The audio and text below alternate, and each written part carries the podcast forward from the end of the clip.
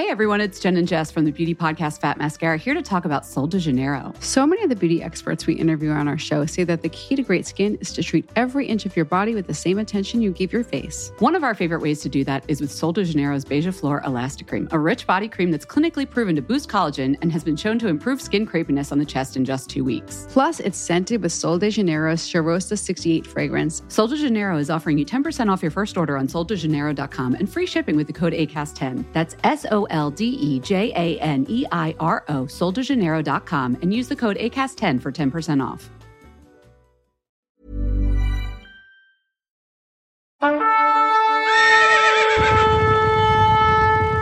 Hej honor och välkomna till ännu ett avsnitt av Honriket denna onsdag. Ni lyssnar på mig, Johanna Olsson. Och mig, Matilda Olsson. Idag så ska vi prata om narcissister som är hanar. Inte för att vi vill vara könsdiskriminerande här på något sätt, men det är ju faktiskt mer vanligt att narcissister är hanar. I Mm. USA har de gjort en sån undersökning och det är 7% som Det är är narcissister. helt sjukt. Alltså det är sinnessjukt. Så Mm. alltså det, det betyder ju liksom att någon gång under sitt liv, om man ändå liksom så här inte träffar den rätta när man är 16 år och man ändå liksom så här Mm. dejtar under lite, så kommer man ju någon gång i alla fall gå på en dejt med någon som är narcissist. Ja, alltså jag känner ju minst. Alltså sju, sju... Vad sa du? 7 Hur många procent. Så det är liksom Ja, 7 på 7%. 100. Jo, men ändå. Ja, alltså, men ändå. Man, ja, exakt. Så jag har nog ändå gått på dejt med en 100 personer. Så. ja, men exakt. Alltså Ja. 110 procent. Jag har gått på dejt med sju narcissister då, rent eh, statistikmässigt. Ja. Men eh, alltså, vi vill ju ta upp detta för det är ju lite självupplevda upplevelser Mm. då vi själva båda två har varit tillsammans med varsin narcissist. Eh, Mm. Och eh, vi har liksom lite roliga stories från det, men vi vill även prata om detta allmänt. Eh, där Mm. vi liksom vill typ ge lite så här tips på hur man kan se att någon är narcissist och vad man ska göra om man liksom tar sig ur en relation med någon som har varit eller som är en narcissist. Ja, men exakt. Och jag bara känner också att du vet så, om jag bara hade haft lite mer info om hur faktiskt en narcissist är och liksom, alltså du vet, för vi kan ju märka väldigt, väldigt tydligt nu i och med att vi har haft eller varit tillsammans med narcissister. Så vi är ju väldigt så typ oh my god, liksom, herregud, han är också narcissist. Liksom. Så vi har, ju- vi har ju lärt oss väldigt, väldigt mycket från det. Men jag känner att man behöver inte uppleva det själv för att kunna lära sig av det och märka av det de här tendenserna. Nej. För att hade jag bara lyssnat på en podcast eller du vet, så sett en dokumentär om liksom, hur han manipulerade eller hur han liksom, var narcissistisk och eh, vidrig mot en tjej då så hade jag ju haft mycket, mycket större förståelse för hur de här personerna beter sig. Mm. Exakt, för det är så lätt när, eh, när man är i en relation att man blir väldigt så blind för hur den personen beter sig. Eh, Och att man då försöker typ acceptera istället för att kolla på det utifrån och liksom såhär wow shit han är narcissist, jag borde inte vara tillsammans med den här personen. Eh, så vi vill liksom bespara er från den painen för det är faktiskt, eh, det är väldigt väldigt traumatiskt att eh, vara tillsammans med en sån här person, speciellt om man är tillsammans med en sån person länge. Mm. Så det ska vi prata om i detta avsnittet. Men eh, först så ska vi ha liksom en vanlig liten update eh, från Mm. livet. Har det hänt något nytt i Dubai, Matilda? Nej, men alltså helt seriöst, det händer typ inte någonting här. Alltså det, det gör inte det. Alltså du vet, det, det är liksom småbråk med Maximus. Alltså ibland med min söta älskling så beter han sig lite som en tonåring. Alltså du vet, han liksom, när han är hungrig så blir han väldigt modig. Och du vet, han kommer ju hem här liksom efter gymmet och bara lägger sig på soffan. Och du vet så berättar fattar inte att han har planer snart och måste iväg liksom, utan han bara lägger sig här och väntar på mat och bara liksom förväntar sig att jag ska börja laga den direkt när han kommer hem. Liksom. Man bara, nej men du kan ju öppna munnen och säga Matilda, jag är hungrig. Jag vill ha mat och jag ska iväg här nu snart. Kan vi, vad ska vi göra? nej, nej. Då när jag inte hinner göra maten, för jag, jag är lite så, så jag, jag har inte lust att stä, ställa mig och laga värsta måltiden och sen att han bara ska resa sig upp och gå. Nej. Alltså det tycker inte jag känns jättetrevligt. Nej. Och då så han bara liksom, så hinner han ju inte då att jag ska laga mat och äta. Så han bara, till och med min tränare sa till mig att jag äter för dåligt. Man bara, skämtar du med mig nu? Man bara, alltså jag lagar alltså, maträtter till dig två gånger om dagen. Alltså är du seriös? Alltså blir- jag blir typ fly förbannad Ja men ja, fan vadå har hon sagt att han äter för dåligt? Nej, det var ju det jag frågade honom nu då när vi pratade i telefon när han har fått äta mat. Så jag bara, alltså har hon verkligen sagt så? Så han bara, nej. Jag bara, Han har hittat på!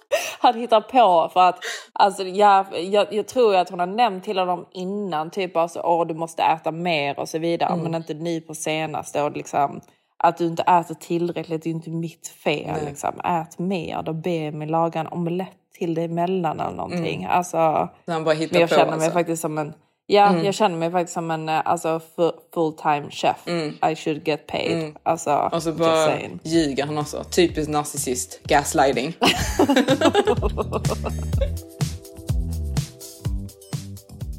Nej men det är typ den enda dramatiken som händer i mitt liv. Det är ingenting så värsta speciellt här hemma. Nej. Vad händer för dig då? Nej. Ditt dramaliv. Ja, mitt dramaliv. Nej, men jag har ju redan berättat för eh, Matilda. Vi har liksom haft en liten catch-up här nu. Men jag eh, Mm. tänkte berätta också för er honor. För eh, det, det, det blir ju ingen madrass för mig att ligga på. Nej. Alltså för det första så tror inte Den var inte så skön. Nej, alltså för det första så tror inte jag att det är min grej. Alltså jag tänker att jag vill men sen när det faktiskt kommer till kritan. Jag, jag kan ju inte om jag verkligen inte tycker om personen. Och tycker jag om personen Nej. så vill jag att vi ska bli tillsammans. Så det blir Ja, fel. exakt. Jag tror att man kan ha den här typ liggrejen om man har byggt upp den tillsammans så att man verkligen känner för det. Mm. Jag tror det är svårt att typ bara du vet, så gå på en dejt. Alltså, alltså för vissa, alltså absolut det funkar ju perfekt för Mm. så många. Men jag tror just för dig, alltså jag tror inte riktigt det är din grej. Nej, det tror jag nej inte. det är inte min grej. Och vi, vi var ju Nej. liksom ute på middag liksom. Och, alltså för det första, han dricker ju inte. Alltså, Nej alltså. alltså helt seriöst. Alltså, nu kanske jag låter som världens alkoholist. Men alltså redan där, we're not the Men same. det är dealbreaker. Ja, alltså det är faktiskt en dealbreaker för jag känner lite typ hur kul är detta? Du vet, okej om någon inte värsta liksom så här dricker sig full, alltså det är ju inte något Ja, requirement. Men du vet Nej. att du inte ens kan dricka ett glas vin. Ja exakt, ska vi aldrig kunna avnjuta ett glas vin tillsammans? Nej, jag känner Alltså, lite vet- liksom, läser du inte ens bibeln, det är livets dryck. Alltså Jag du vet, med. det vet ju alla. Ja, men. Jesus ord. Men jag sa det till Maximus också, alltså bara för han, har ju, han, får han kommer ju in i såna här perioder där han vill vara hälsosam. Och du vet de perioderna kan ju pågå rätt så länge. Eh, där han liksom säger nej jag vill inte dricka nu på typ två månader. Det är så jag tråkigt. bara alltså älskling, jag hade, jag hade faktiskt inte börjat dejta dig om du sa till mig att du inte dricker. Nej. Alltså det, det är jättetråkigt. Mm, det är faktiskt skittråkigt för då liksom Ja. till den här hanen så jag bara men alltså Alltså för, för mig är det liksom, det är inte som att jag typ så här värsta tycker om att bli full men jag gillar aktiviteter runt omkring att dricka. Jag gillar liksom Ja. att go out for drinks, take a drink. Ja, för man måste inte bli full. Nej, alltså Man kan ju bara, liksom, jag gillar att avnjuta en drink. Ja, exakt. Jag gillar att äta god mat med gott vin. Ja. Jag gillar att ligga liksom någonstans på stranden och sola Mm. och dricka rosé. Alltså jag gillar aktiviteter som revolves around consuming alcohol. Du låter som en riktig alkoholist. jag gillar att ligga i sängen och avnjuta en drink. Jag gillar att liksom stå upp i köket och bara dricka en drink. ja men jag gör ju det. Alltså typ laga mat Ja, jag ihop och dricka samma. lite Jag älskar att laga, ja men exakt. That's the life. Träna, I dricka vin. it. Nej jag skojar. Nej alltså. för mig är det helt förbluffande. Alltså verkligen förbluffande Mm. att man inte gör det. För jag bara liksom såhär, but what do you do for fun?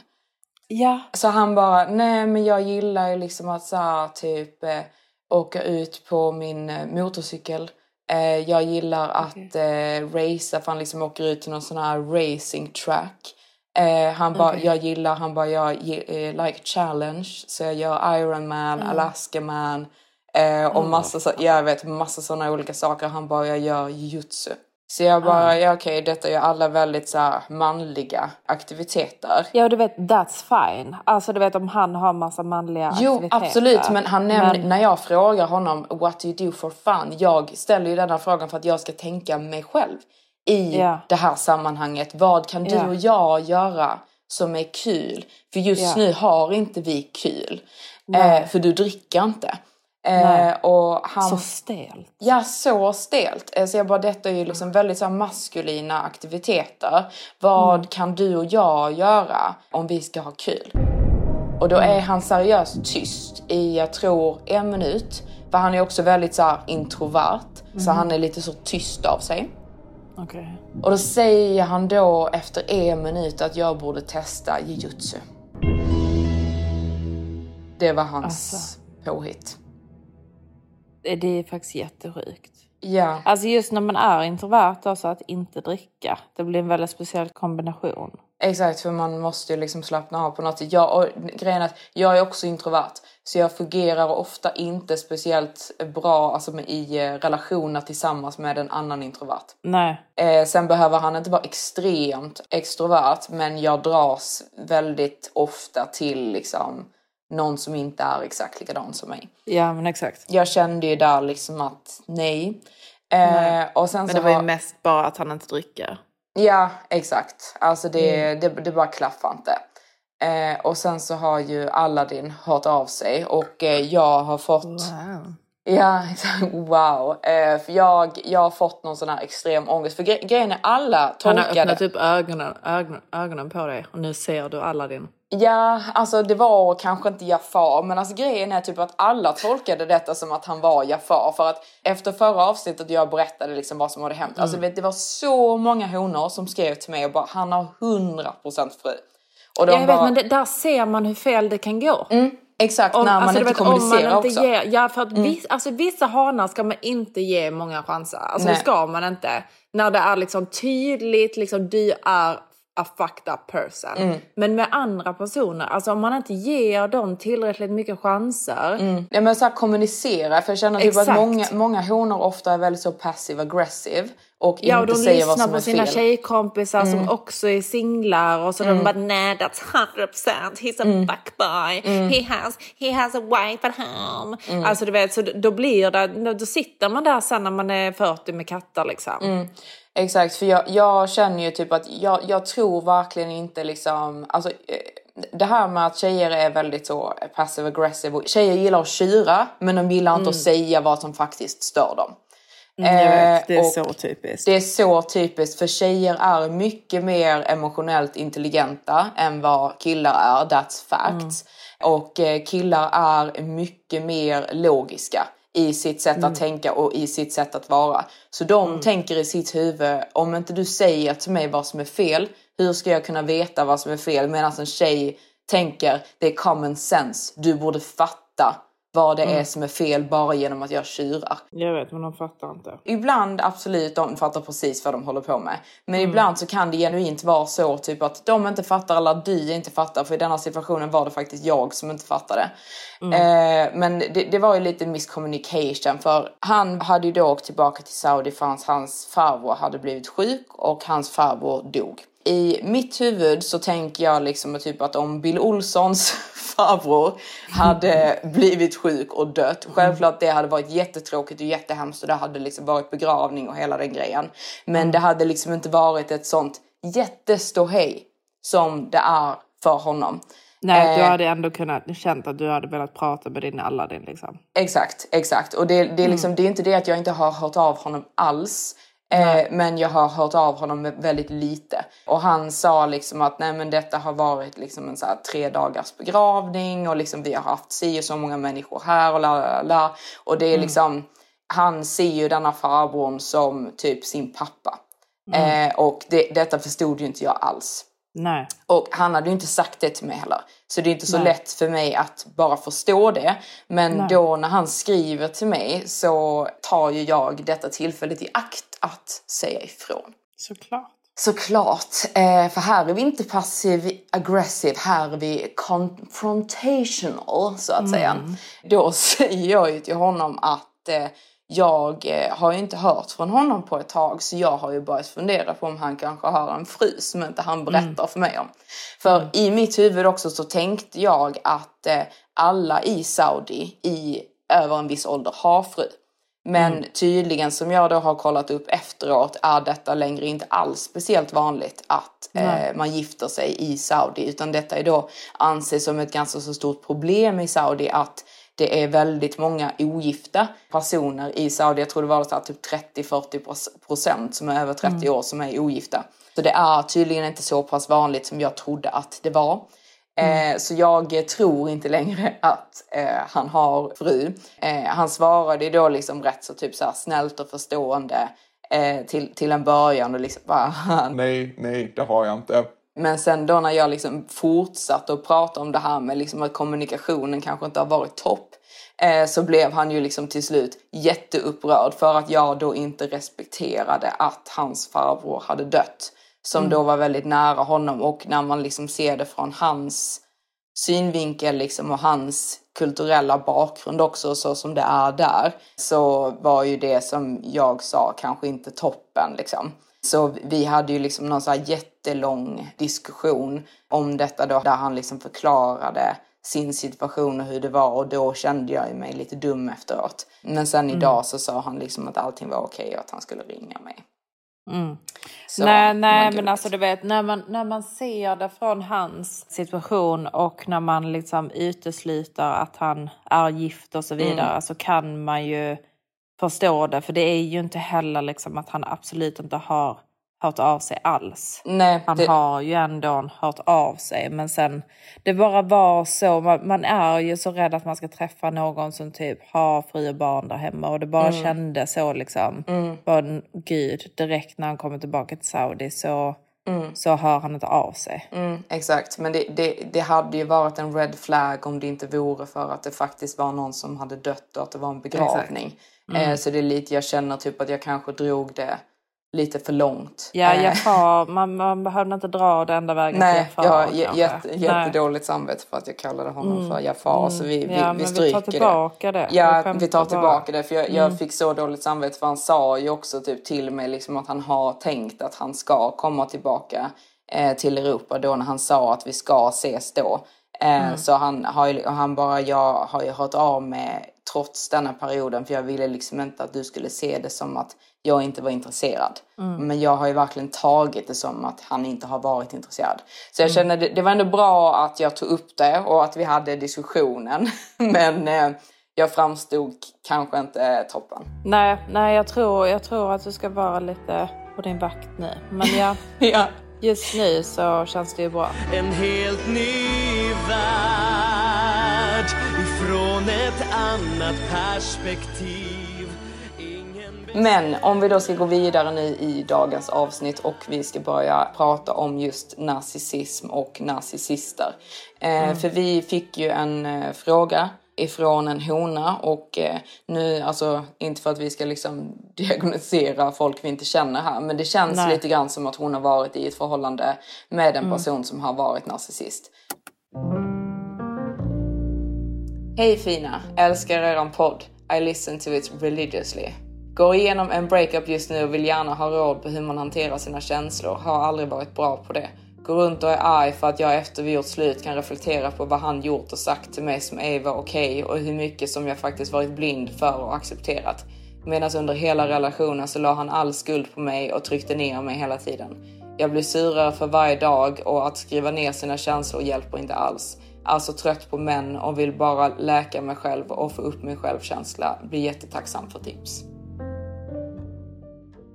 Ja, alltså det som man först och främst då vill säga till den här honan är ju då liksom att eh, we been there. Vet liksom exakt hur det känns att man liksom har gått på mycket som de liksom har pumpat i en, gått med på alldeles för mycket som man egentligen borde. Liksom. Alltså du vet det här liksom att förlåta sig själv. Att man har svikit sig själv liksom. Exakt. Men eh, att man bara typ, alltså ska försöka liksom inte börja hata män utan mer bara du vet så förstå vad det är för person man faktiskt har haft att göra med och att denna personen inte är till det normala. Han är ju sjuk liksom. Exakt. Jag tror att just det som du säger Matilda är väldigt, väldigt viktigt att man inte, för jag tror att när man liksom så här zoomar in på detaljer i sin relation eller sin före detta relation eller på en viss person så blir man ju mer benägen till att se den här personen som mänsklig.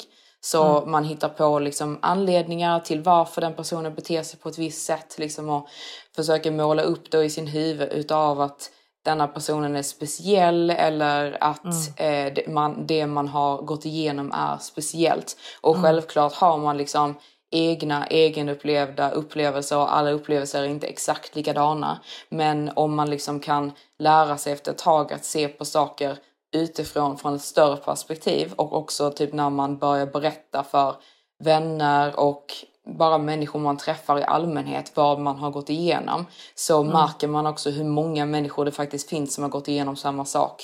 Eh, och där man då kan se de här tydliga beteendena bland de här människorna som beter sig exakt likadant så man är inte ensam. Nej, nej verkligen inte. Och det, du vet, och man blir ju så av en sån här människa som håller på på det här sättet blir man ju så, så extremt manipulerad. Man kan ju inte hjälpa att gå på det han säger och typ sätta skuld på sig själv och sådana saker. Men det är samma sak, det är så bra som det du säger, liksom, att man ska se det det stora hela. För det är ju samma sak med mördare. Liksom. Om man känner en mördare och typ verkligen, verkligen sätter sig in i hans situation och hans relation med den här personen som han har mördat så kan man säkert liksom alltid finna anledningar och liksom förstå varför han har gjort så som han har gjort. Men om man ser det liksom utifrån så är han ju bara en mördare. Exakt. Så man måste liksom lära sig, för just med narcissister, det, det är väldigt ofta som väldigt så här, emotionella och mer sympatiska människor drar sig till en person som är narcissist. Det blir liksom en väldigt toxic kombination där. Det är ofta någon som är väldigt så här, godtrogen och väldigt liksom så här, snäll som person som då drar sig till en person som är narcissist. Så det blir liksom väldigt, väldigt toxic och eh, kan vara väldigt liksom så här förödande för ens egna självkänsla och självbild och få en att må väldigt, väldigt dåligt. Så det är väldigt liksom så här seriöst. Man ska inte ta på det lätt att man har Nej. gått igenom en sån här Nej. upplevelse. Nej, verkligen inte. Och jag tror också, du vet så, alltså istället för att du vet så, eh, känna skuld på sig själv och sånt, man ska typ vara glad att man har kommit ur det. Alltså du vet, vara glad att du typ känner så som du känner, att du är så otroligt förbannad på det. För vi, har, vi har tjejkompisar som är fortfarande år ut och år in fast i samma, samma förhållande som liksom, alltså det blir bara värre och värre.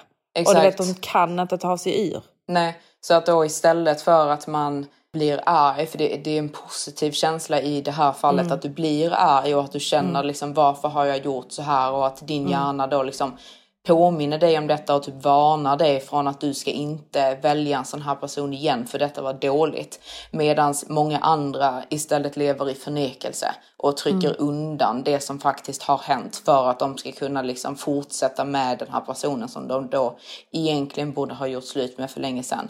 För det Ja. man ska veta också med en narcissist att eh, narcissism går inte att bota. Eh, det är ofta ärftligt. Man kan lära sig liksom att leva tillsammans med en narcissist eh, men det går ju väldigt ofta väldigt mycket ut över en själv. Eh, och narcissisten kan lära liksom att kontrollera sitt beteende lite men det är inte som depression eller någon annan sjukdom där det så går att bota. Utan är du narcissist så är du forever en narcissist. Är Eh, så, man, liksom. ja, så man ska inte försöka liksom att rädda den här personen heller. Nej. Så om vi då ska gå in på vad en narcissist är för någonting. så Ja, att man ja för har, vi är väldigt så, bara åh han är narcissist. Men liksom, hur vet man att han är det? Liksom? För jag tror det är så himla många som bara hör ordet narcissist. Och de Exakt. kan liksom inte alls, när de väl träffar på en kille som är narcissist så tänker de inte ens tanken typ att han är det. Om de inte märker typ att han är otroligt egoistisk Mm. eller tycker att han själv är jätteståtlig. Det, är det är ju inte bara det liksom. Det är absolut inte bara det, för jag tror att alla liksom någon gång har hört ordet narcissist och jag Mm. och du Matilda, vi var inte alls medvetna när vi träffade våra expojkvänner om allt detta. Så hade man kanske vetat det så hade man sett från början att de här människorna är narcissister. Ja exakt. Hade jag aldrig träffat på en sån person i hela mitt liv. Exakt. Alltså du vet, hade ingen aning. Nej. Så en narcissist är då en person som har väldigt, väldigt dålig självkänsla och därför är väldigt lättkränkt. Eh, Så den här personen kan vara lättkränkt i en relation där han hela tiden känner liksom att du gör någonting som är fel, eh, där du kränker honom och att han sedan skyller det på dig. Men han kan också vara liksom lättkränkt i arbetsrelationer eller relationer med vänner, men han kan också bli så här lättkränkt på restauranger om man känner att han blir dåligt behandlad. Eh, eller i klädbutiker. Jag har ett minne liksom av eh, eller jag har flera minnen med eh, min expojkvän när han tyckte liksom att han blev dåligt behandlad i klädbutiker. Och han då liksom rusade ut från klädbutiken och tyckte liksom att de hade betett sig så fruktansvärt mot honom så då skulle inte han liksom slösa sina pengar där inne. Så de är så väldigt, väldigt lättkränkta. Och i och med att de har en så dålig självkänsla så vill de liksom bygga upp ett ytligt skal av att de är helt fantastiska. Eh, och de har då en besatthet av att deras omgivning hela tiden ska spegla denna falska fasaden som de har målat upp och när deras omgivning inte längre speglar den fasaden så blir de jätteupprörda.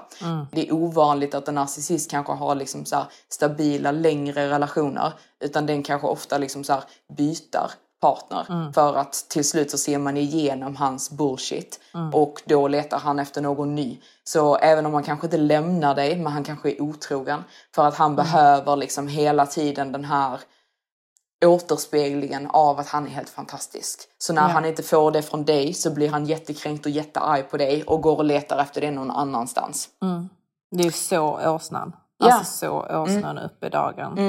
Verkligen. Eh, och det är när, när, när man liksom väl ser de här sakerna, man måste lära sig det här med att typ kolla på alltså, situationen utifrån. Alltså att man zoomar ut lite och liksom okej, detta känns inte bra, vad är det som egentligen försiggår här? För när jag träffade mitt psycho-ex, så jag tror just med en narcissist ibland när de gör, för det är inte så att de inte kan göra väldigt snälla saker. Nej. För jag trodde väl kanske om en narcissist att typ såhär, nej men det märker man väl direkt om en person beter sig så här. Ja, ja men exakt. Men eh, när jag träffade mitt psycho-ex så var han ju otroligt charmig, vilket de ofta är. Eh, Han var också otroligt snäll mot mig. Han gjorde väldigt, väldigt mycket snälla saker för mig. Så det tog ju mig väldigt lång tid att verkligen typ förstå och acceptera att han var en narcissist. För jag tänkte liksom att typ nej, han bryr sig ju väldigt mycket om mig. Han bryr sig om djur. Han gör liksom jättesnälla saker liksom för andra människor och liksom då för djur och, och sådana saker. Så jag tänkte ju liksom att nej men den här personen kan inte vara narcissist.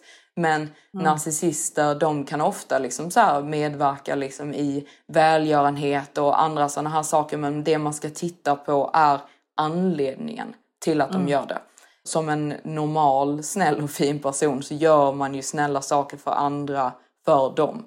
Eh, Men en narcissist gör detta för att andra ska se att de gör detta.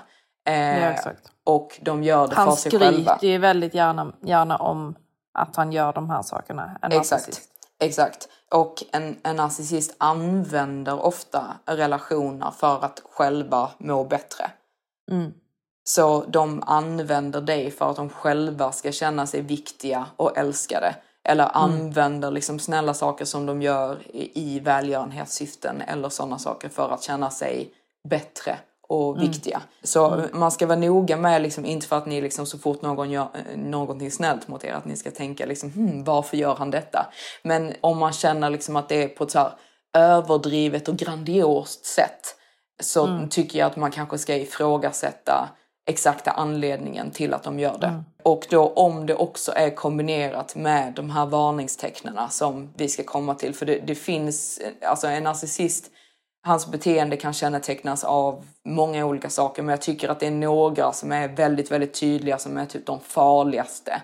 Eh, och som mest skadliga. Ja, och det är så sjukt. Alltså, du vet att de beter sig på samma sätt. Mm, de gör ju verkligen det. För vi har ju också träffat, alltså det är inte normala personer eller du vet så, Mm. en låg nivå av narcissistiskt beteende som vi har varit tillsammans med. Nej. Vi har ju varit tillsammans med något, alltså rätt så extrem Mm. nivå av narcissist. Ja, alltså mm, på gränsen till psyksjuka. Eller inte ens Ja. på gränsen utan, utan faktiskt rent så av psyk- psyksjuka. Sjuka. Ja, så Mm. du vet nästan alla tendenser kan jag känna igen Mm. i både ditt psycho-ex och i åsnan liksom. Mm, exakt, och sen de är inte lika. Alltså när man kollar Nej. på dem utifrån, så om man skulle liksom då, om man är i relation och man zoomar in på deras beteenden, så nej, de är inte alls lika och inte alls Mm. Nej. samma personer och de är inte narcissistiska på samma sätt. Men Nej. när man då istället liksom zoomar ut så kan man se det Mm. väldigt, väldigt tydligt att de har exakt samma egenskaper.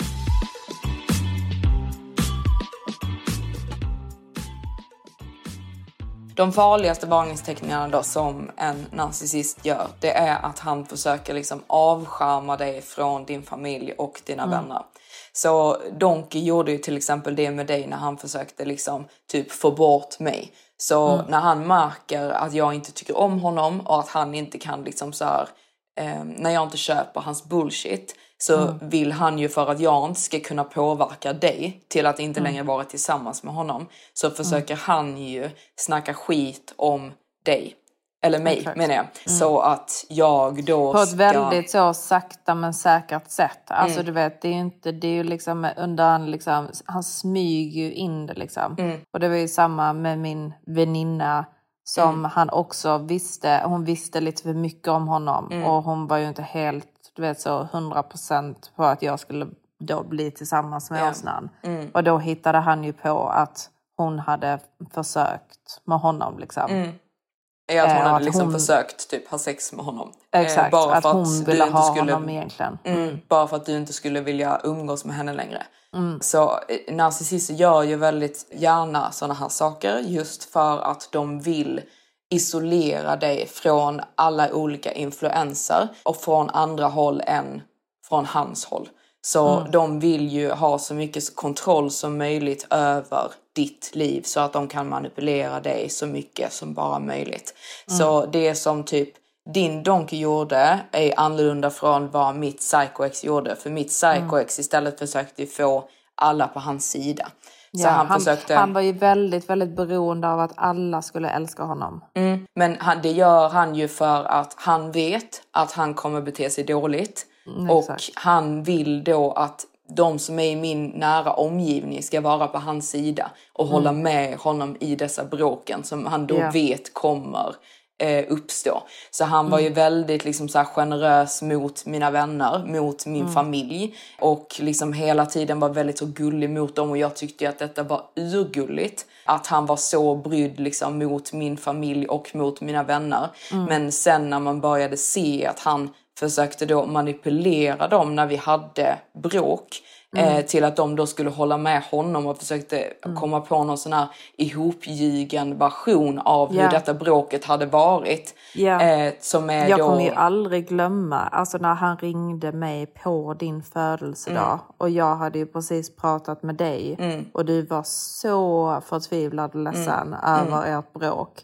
Och att han då ringer mig efteråt och försöker och försöker och försöker berätta en helt annan historia. Mm.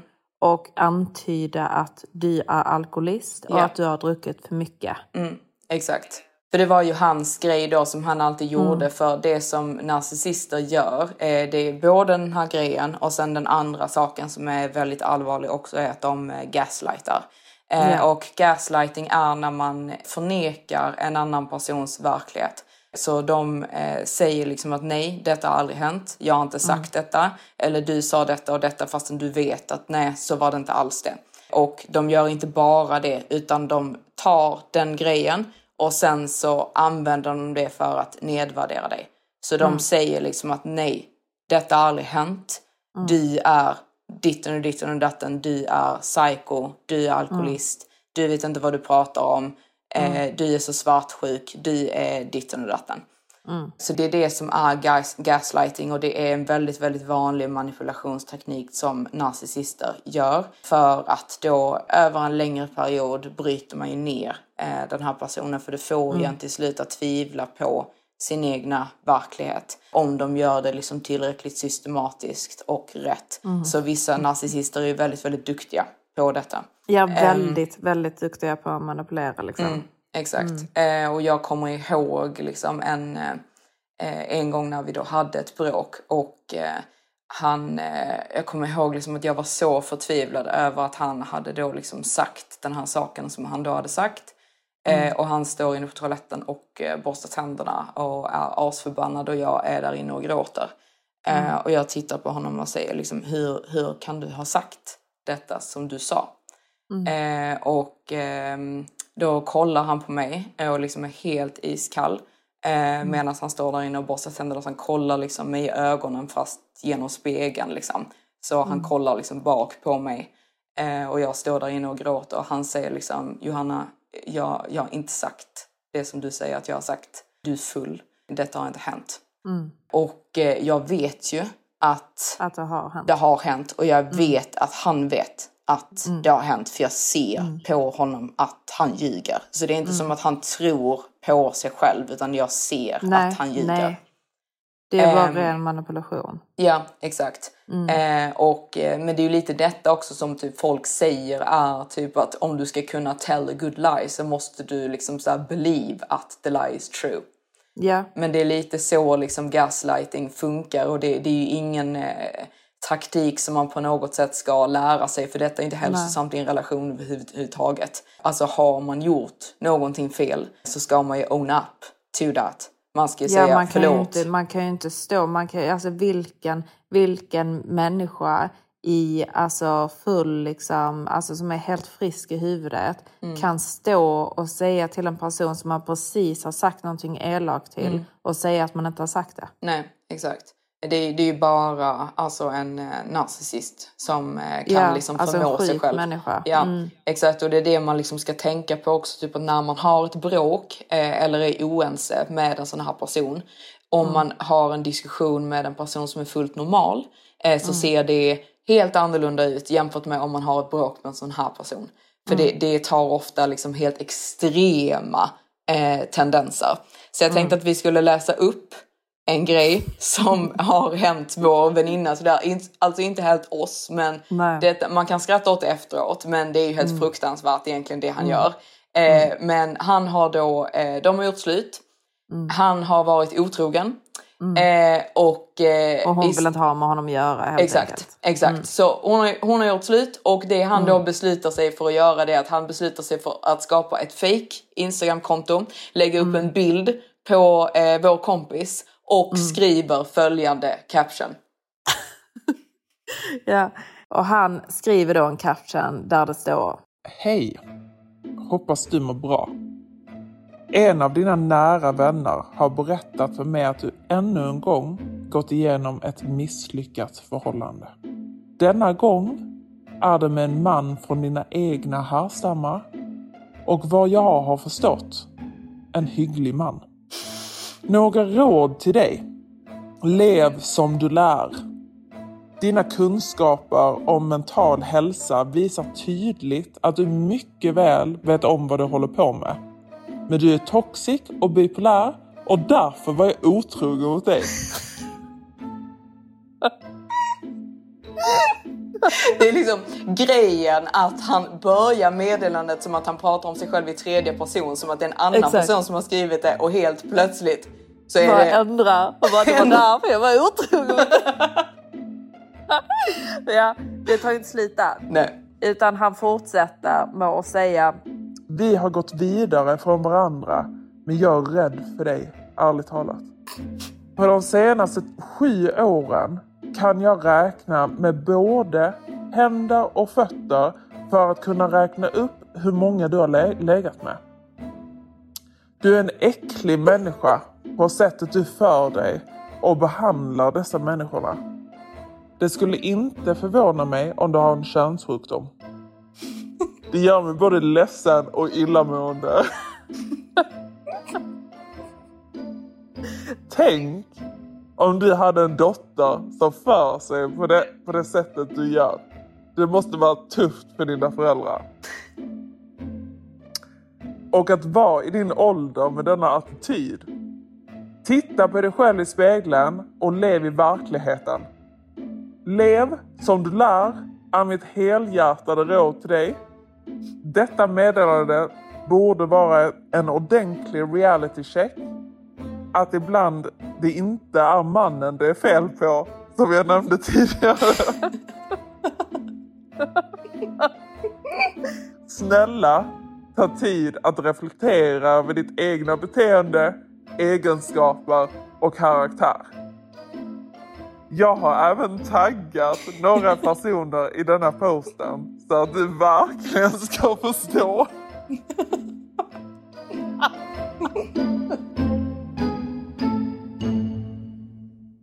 Tänker hon då, alltså helt seriöst, tänker hon då att ert ex då har lagt ut en bild på dig, skrivit detta som caption, sen även så har han taggat varenda person som du följer.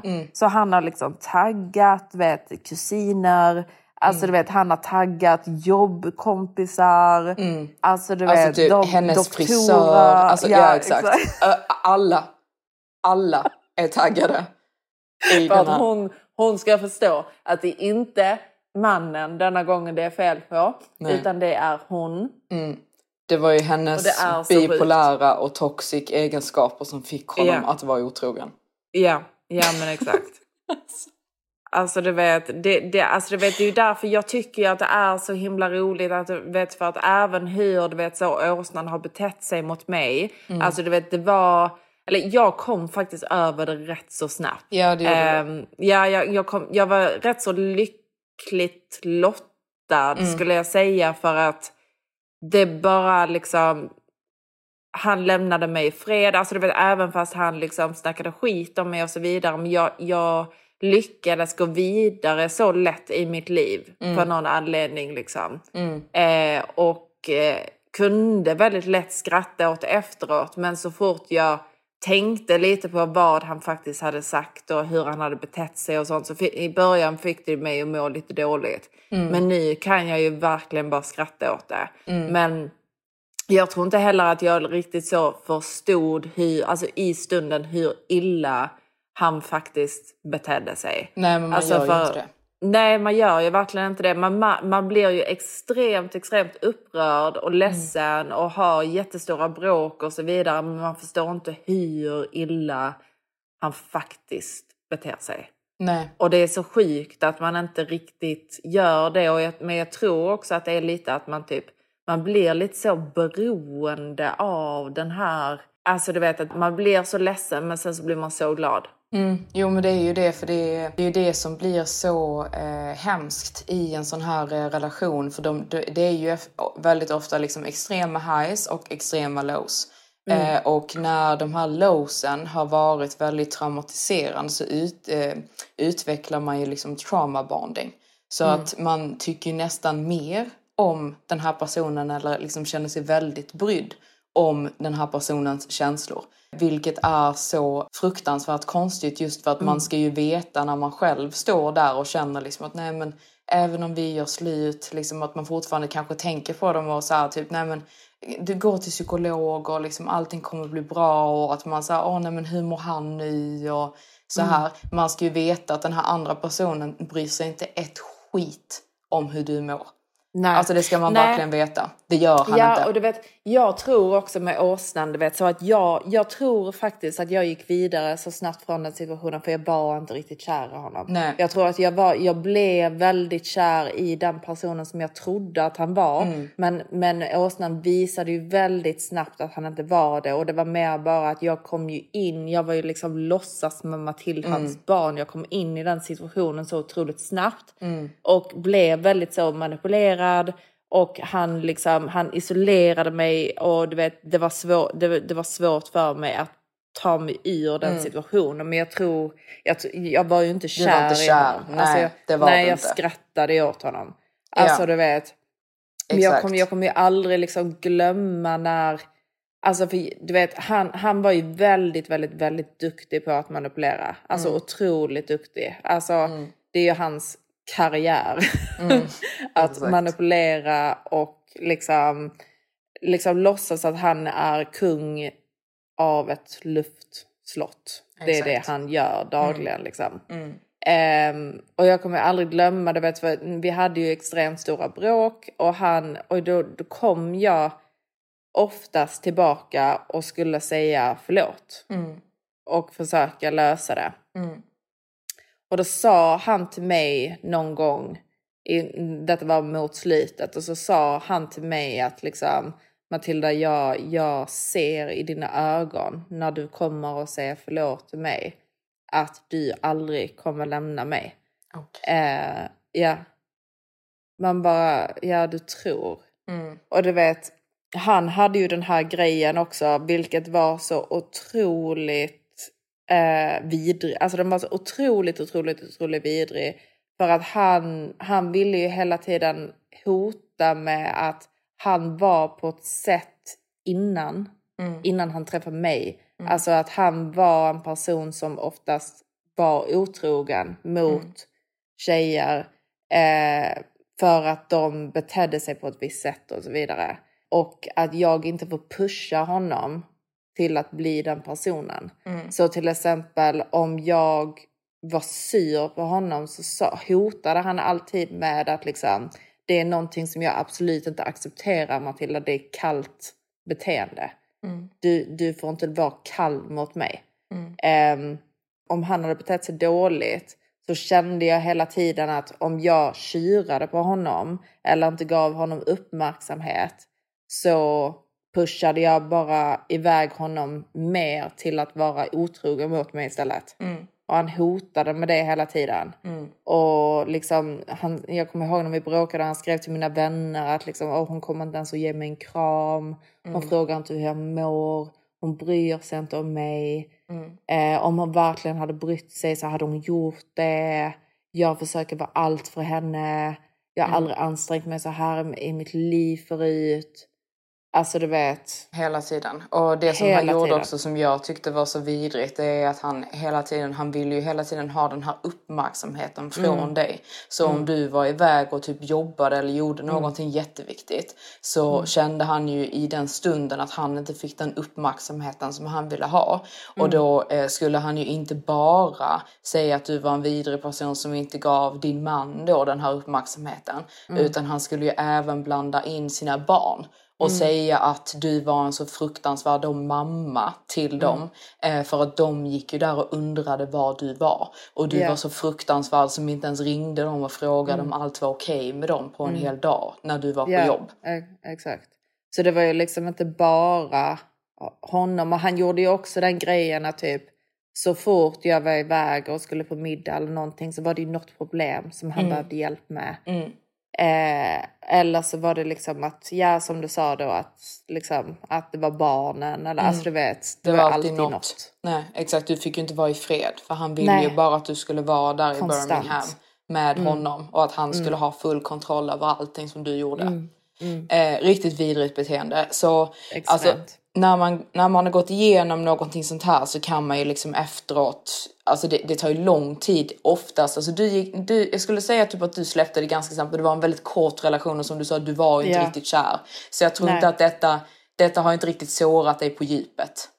Skulle Nej, det säga. skulle jag faktiskt inte säga att det, det har gjort. Det Nej. skulle jag faktiskt inte säga att det har gjort. Nej, för mig så har det ju varit liksom en mycket, alltså skulle jag säga djupare eh, process av att jag eh, har mått jättedåligt och blivit jättepåverkad eh, utav detta. Ja, det tog lång tid för dig också att verkligen förstå att det här är en vidrig människa som du faktiskt har haft att göra med och som du verkligen, verkligen, verkligen har trott inte var det. Exakt. Eh, för det, det, det tar lång tid för en att faktiskt förstå på vilken nivå av vidrighet det har varit. Ja. Eh, för att till en början, ja man kan förstå, nej jag kan inte vara tillsammans med den här personen, det här var hemskt. Eh, men när man då har gått igenom sådana här trauman med en person och man har liksom har bildat den här eh, traumabondingen eh, så blir detta som ett missbruk. Eh, så det, det, det blir som att man känner liksom att man inte är beroende av personen men att man ständigt går och tänker på den här personen. Man undrar liksom hur mår han? Eh, vad gör han nu?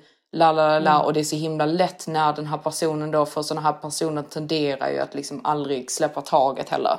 Ja, eh, exakt. utan de liksom bara hör av sig, hör av sig, hör av sig, hör av sig. Eh, Och det är så himla lätt då att man bara blir insugen eh, i det igen.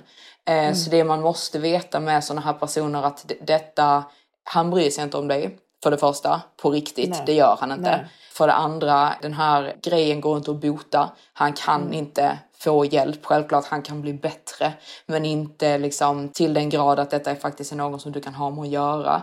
Så om det inte är så att du har barn med den här personen så skulle jag bara rekommendera att lämna om man är i en relation med en sån här person för de kommer bara dra ner en i skiten.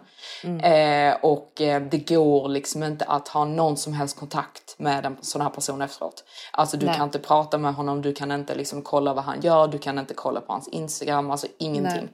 Eh, så det, det är bara att sluta med allt det.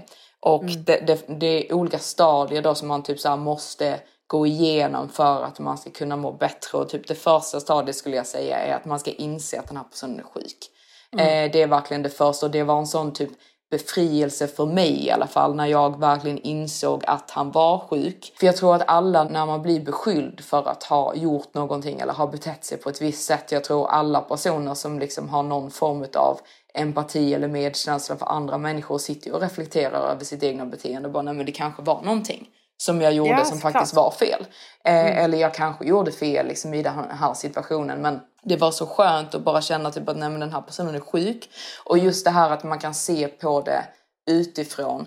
Eh, och när man pratar med andra människor och liksom att man ser typ att detta är någonting som många har gått igenom för de här personerna beter sig likadant. Eh, Och man ska vara glad för att man då upplever de här känslorna som ilska och att man inte längre lever i förnekelse.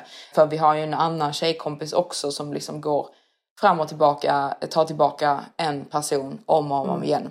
Och hon sa till mig här för några månader sedan, hon sa till mig Johanna var kommer jag någonsin att hitta en person igen som älskar mig så mycket att han vill dö för mig? Ja, för han, sä- han säger ju då om och om igen när de gör slut att han kommer ta livet av sig. Han, Ja, han fej- låtsas, han, han, fejkar självmord. livet av sig. Ja. Eller försöker ta livet av sig. Exakt, och liksom för det första, han är inte beredd att dö för din skull för han tar inte livet av sig utan detta är en manipulationsteknik. Mm. Eh, och för det andra, liksom, ja, på psykhemmet kan Mm. du säkert hitta x antal personer som hade kunnat säga likadant för detta är sjukt. Exakt. Detta är inte att han älskar dig eh, så mycket Nej. som ingen annan Nej. kan älska sig, eh, dig för dessa personerna är tyvärr inte kapabla till att fully love. Eh, Nej. så är det. Nej, och jag tror också att vår tjejkompis då som går igenom detta still och har Mm. gjort det de senaste fyra åren. Jag tror att om hon bara hade varit tillsammans med honom ett halvår så hade hon förstått detta själv. Mm. Ja. Att, men när man har haft den här personen omkring sig i tre, fyra år. Det, alltså det, du vet, hon Mm. Det är är, ju så manipulerad så det, det, liksom, det går ju inte att komma in där. Nej, Han och, har och ju henne- Ja. Ja, Eh, och det blir ju att hon bryter ju ner eh, sin egna verklighet. Eh, så hon, hon tvivlar ju på att det som hon själv känner är sant. Och litar i stort sett mer på vad som han säger till henne är sant. Eh, och det är så det blir över tid, vilket är helt fruktansvärt. Och den andra saken som man måste liksom gå igenom och inse är att detta då har varit som ett missbruk. Eh, När någon konstant gör dig jätteglad, jätteledsen så bildar man ett traumaband med den här personen. Och du kommer bry dig väldigt, väldigt mycket om denna personen men man måste veta att denna personen bryr sig inte om dig. Även Ja. om det kan se ut som att han gör det, han gör inte det, han bryr sig inte alls om vad ja som är man bäst vill för ju dig. väldigt gärna inbilla sig att han gör det också. Exakt, men han gör inte det. Han, Nej. eh, han vill eh, väldigt gärna ha tillbaka dig i vissa sammanhang just för att han eh, vill få den här boosten igen av att du ska Mm. spegla den här självbilden som han har. Men det är bara för eh, sin, sin egna Vinning. vinning och lycka. Mm. Eh, så han använder dig eh, för detta. Han ser inte dig som en, eh, en människa så som en Nej. eh, normal person ser relationer Nej. man ska också inse typ att sånt här tar tid. Att faktiskt fully liksom inse. Eh, och eh, man ställer sig liksom många frågor under den här perioden. Man ska reflektera över varför sa jag så? Varför gjorde jag så? Ehm, och man kanske kan känna sig dum. Men när man liksom pratar mer och mer och vågar öppna upp för andra om vad man faktiskt har gått igenom så inser man hur många det faktiskt finns som har gått igenom samma sak. Eh, och då känner man sig i alla fall inte ensam i det. Nej. Sen så måste man förstå också typ att det är faktiskt lite a blessing in disguise av att man har varit igenom någonting sånt här och tagit sig ur det.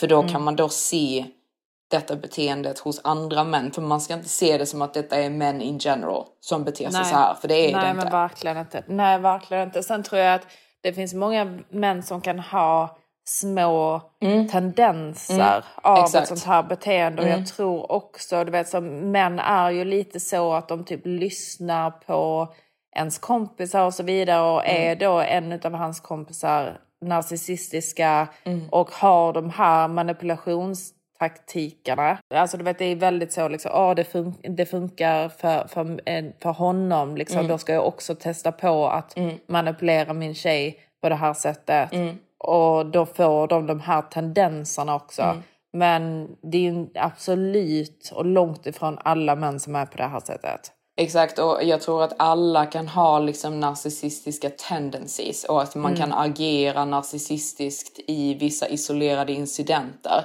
Men det som du säger, liksom att det är skillnad på att göra någonting narcissistiskt än att vara narcissist. I och med att narcissism är genetiskt så det är liksom ingenting som man kan lära sig utav någon annan att bli. Så även om de kanske eh, använder sig utav vissa, som du säger, vissa sådana här taktiker eller de gör någonting i något isolerat event som har varit liksom narcissistiskt eh, så betyder inte det att de är narcissister. Så där skulle jag ändå säga att det finns typ en räddning om man kommunicerar och pratar med den här personen om att det här är inte accepterbart beteende.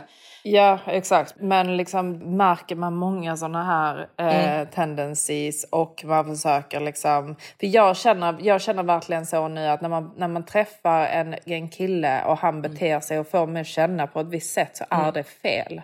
Alltså du vet, en, en, en, han ska aldrig få dig att känna dig på ett visst sätt. Och om du då liksom försöker prata med den här killen om detta och han inte förstår så är han ingenting att ha, tycker jag. Nej, exakt. Eh, och sådana här beteenden, även om det är liksom en isolerad händelse eller om det är liksom hela hans personlighet är oacceptabelt. Det är ingenting som man ska acceptera och typ både du och jag Matilda kan ju vara liksom jättesura på oss själva liksom att vi har accepterat dem i de här relationerna. Men det är ju ingenting som vi skulle acceptera igen. Så jag tycker att man ändå ska se det lite som a blessing in disguise. Att man vet nu att detta är ett oacceptabelt beteende och ett beteende som inte går att lösa. Eh, Ja. Om det är att personen faktiskt är narcissist så det enda man kan göra i de situationerna är att lämna för det finns ingen Och lösning. jag är så glad att man ändå har tagit sig ur det så snabbt. Mm. Alltså du vet att det är liksom att man inte har gått och Flera slösat år. Mm. flera år på, på någon som man tror typ älskar en. Exakt. Men de gör liksom verkligen, verkligen, verkligen inte det. Nej, alltså de kan ju göra det liksom på sitt sätt. För att självklart Ja. en narcissist kan bli förälskad och kan bli kär och allt det där. Men de är liksom inte kapabla till att känna känslor på djupet så som en person som inte är narcissist gör. Nej. Och det är det som blir så hemskt när de kan göra så fruktansvärda saker eh, mot en för de har i stort sett ingen empati eh, för andra människor. Vilket blir så himla hemskt. Ja. Så ja, det var allt från Ja. oss denna Fan onsdag. vad lärorikt tycker jag. Ja, det var väl Det kul Honor? faktiskt. Mm. Ja, Mm. tycker jag. Så nu, eh, nu eh, håller vi oss på toppnivå. Mm, vi håller tassarna borta. Vi från håller dessa hanar. tassarna borta, ja. Mm. Man ska inte in där och nafsa, för det, Nej. det, det är inte värt det. Alltså Det är det är inte. inte. värt det. Det är inte så roligt. Nej. Snart. Nej. så ta hand om er honor. Mm. Puss och kram. Vi älskar er. Det gör vi.